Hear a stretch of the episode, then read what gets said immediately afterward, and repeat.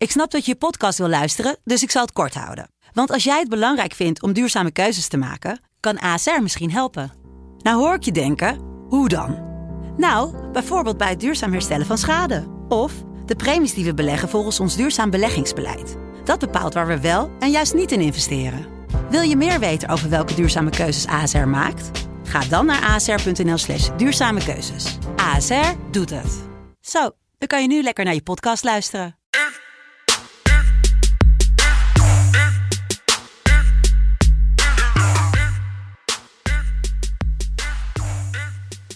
Welkom, lieve vrienden van de FC Betting Community. Het is zaterdag en dat betekent dat het tijd is voor een nieuwe FC Betting podcast over de Eredivisie. Eredivisie gaat langzaam richting het einde. Er zijn nog wat beslissingjes over Europees voetbal. Onderin is het nog spannend. Ajax is kampioen, maar daar gaan we het ook niet over hebben. We gaan het over drie wedstrijden hebben. Straks gaan we het hebben over Feyenoord tegen Emmen, RKC tegen Groningen. We beginnen zometeen met eh, de George Ulte-wedstrijd. Fortuna Utrecht, Michael. Ja, dat is een topper onderhand, hè? Nummer 7 tegen Ja. nummer 10. Ja. Ik heb trouwens, ik moet nog wel. Zal ik het via deze podcast mijn excuses aanbieden aan, eh, aan, eh, aan Jelle? Ik had eh, met de Europa League waren we bijna 3 uit 3 gegaan. En hij zei: Olympiakos gaat zo zijn score tegen Arsenal. En ik zei: Nou, doe dan lekker bootteams de score. Die speelden we. Dus we zijn allebei 2 uit 3 gegaan en niet 3 uit 3. Dus Jelle, excuus, ook bij deze. En ook aan alle luisteraars die mee hebben gespeeld. Ja. Die bijna 3 uit 3 waren gegaan. Eh, vorige week zondag trouwens, eh, of vorige week zaterdag, was het eh, 2-1 Zaterdag. voor mij, hè? Eh, ja, jij serveerde en dat, eh, je hebt gewonnen. Ja. Morgen horen we...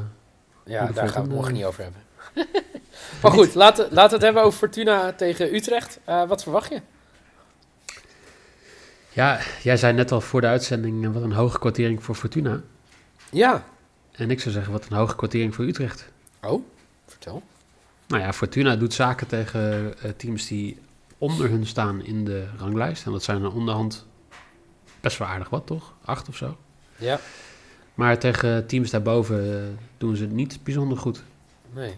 En Utrecht doet over het algemeen, als je de Ah, wedstrijd Emmen tegenovergestelde. even, ja. ja, dan weggaat, dan, dan, dan zie je ook het een beetje. Dus ik, ja, ik geef hier Utrecht meer kans dan ik denk dat jij het geeft. Maar Oké. Eh, hoe gek de wereld in elkaar zit, anno 2021. Als Fortuna wint, komt het op gelijke hoogte met FC Utrecht. Ja. Het gat is nu eh, drie punten tussen beide ploegen. Ja, dat is toch wel echt bizar. ja, en de nummer 8 gaat sowieso ook naar de play-offs, toch? Omdat Vitesse Ja. en Ajax in de finale staan. Ja, voor mij ook. Ja.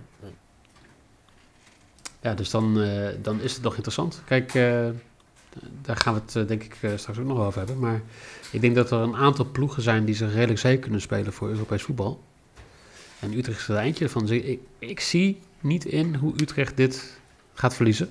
Ik denk dat zij echt... Ik denk dat Utrecht ook niet 100% gaat verliezen. Ik denk al- alleen niet dat Utrecht ook gaat winnen, want ik speel Fortuna Oh. 1x. En dat is mijn maybe voor 2,1. Nou, ik, ik zie dat wij weer lekker regelrecht tegenover elkaar staan, Niel. Ja. Ik, Dat, eh, ja. Utrecht gaat het winnen, punt. Oké, oké. nou dan wordt het in ieder geval niet eh, een 6 uit 6. Gaan we door met de volgende wedstrijd in de Kuip. Het eh, lag er fantastisch bij. Ik was van de week daar voor een opname. Wat is toch een prachtig stadion. Ik had voor het eerst zag ik al die spandoeken weer. nou, het is echt, echt fantastisch mooi. Niet normaal. Dus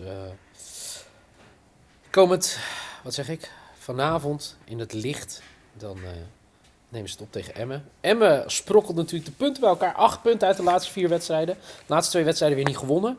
Tegen Groningen had er misschien wel iets meer in gezeten. Eh, tegen Sparta kwamen ze goed weg. En dan Feyenoord. Eh, ja, dat was een walk in the park tegen VVV twee weken geleden. En een, nou, misschien wel verdiend gelijkspelletje tegen PSV. Ja. Dat betekent dat het de nummer 5 tegen nummer 18 is. Wat speel jij bij deze wedstrijd, Michael? Nou ja, ehm, ja Emma had eh, al boven ADO uit kunnen stijgen nu, maar heeft dat een beetje laten liggen. Maar ja, ze, ze hoeven geen 18e te worden. Dan denk ik dat 16e worden lastig gaat worden. Ja, want dat, eigenlijk maakt niet uit of je 18 of 17 wordt, hè? Nee, precies. rechtstreeks. Ja. Nou ja, voor je eigen gevoel is dat nog wel fijn natuurlijk dat je niet laatste bent geworden, maar ja, is dat zo? nee, het lijkt me wel. Oké. Gat is 7 punten na een PD-plek met nog eh 8 wedstrijden te spelen. Met een Willem II die heel erg in vorm is. Dus als je ook gaat VVV kijken... met de nieuwe trainer. Ja, nou ja, dat gaan we morgen zien natuurlijk. Ja, Eh, nee, ik denk dat het heel lastig gaat worden. Maar dit is ook niet een wedstrijd waar ze punten moeten pakken. Ik denk dat je hier gewoon aan je doelsaldo moet werken. Dat, ik denk, laten we daar gewoon even voorop stellen dat dat misschien nog wel prioriteit nummer één is. Dus ik denk dat er niet heel veel gescoord gaat worden. oké. Wat ik wel denk is dat er een penalty gaat gegeven worden. Kevin Blom is volgens mij de scheidsrechter deze wedstrijd. Kevin Nou, Blom, die, de eh, shawarma-boer uit Gouda en Alphen. Die vrije tijd staat hij wel zijn eh, shawarma-tent.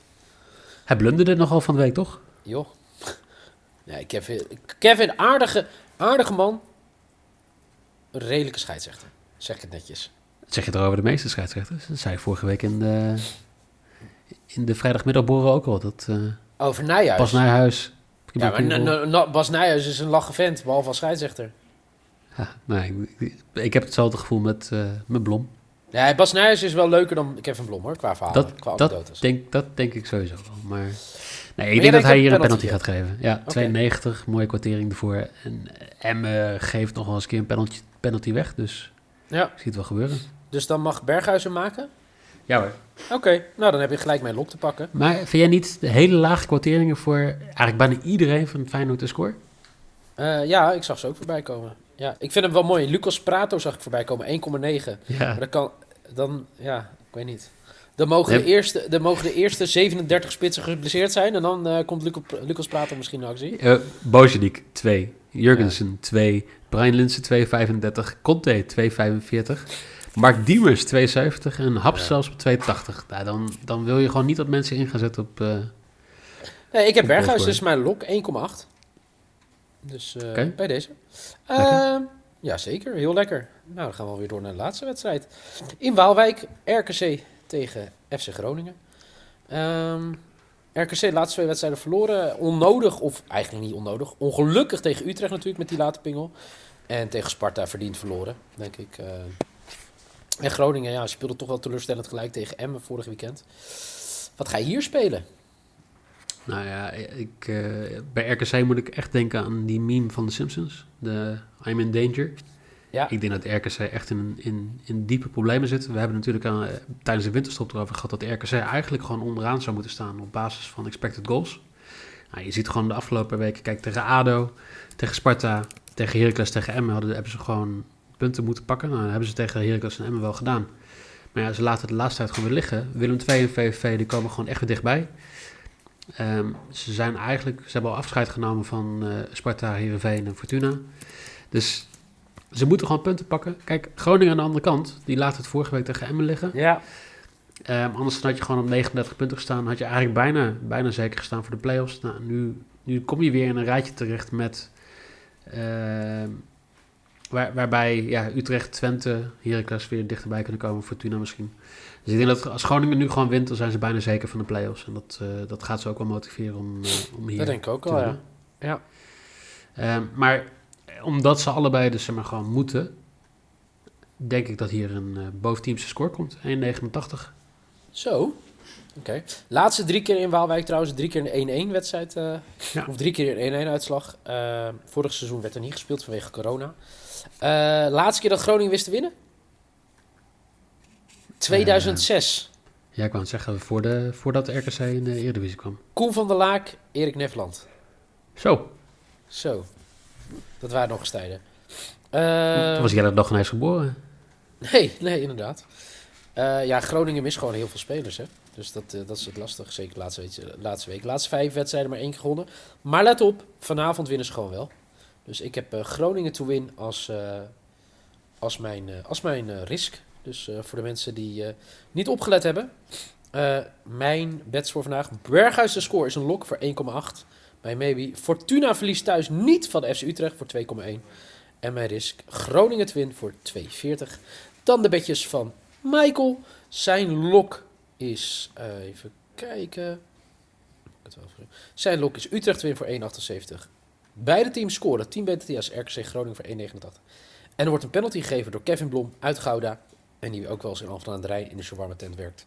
Voor 2,9 bij eh Feyenoord Emmen. Dit was hem alweer, de FC Betting podcast van zaterdag 20 maart 2021. Morgen zijn we er gewoon weer. Check in de tussentijd ook natuurlijk de SC Betting podcast over de Premier League van dit weekend van Jelle en Michael. En eh, voor nu bedankt voor het luisteren en graag tot morgen!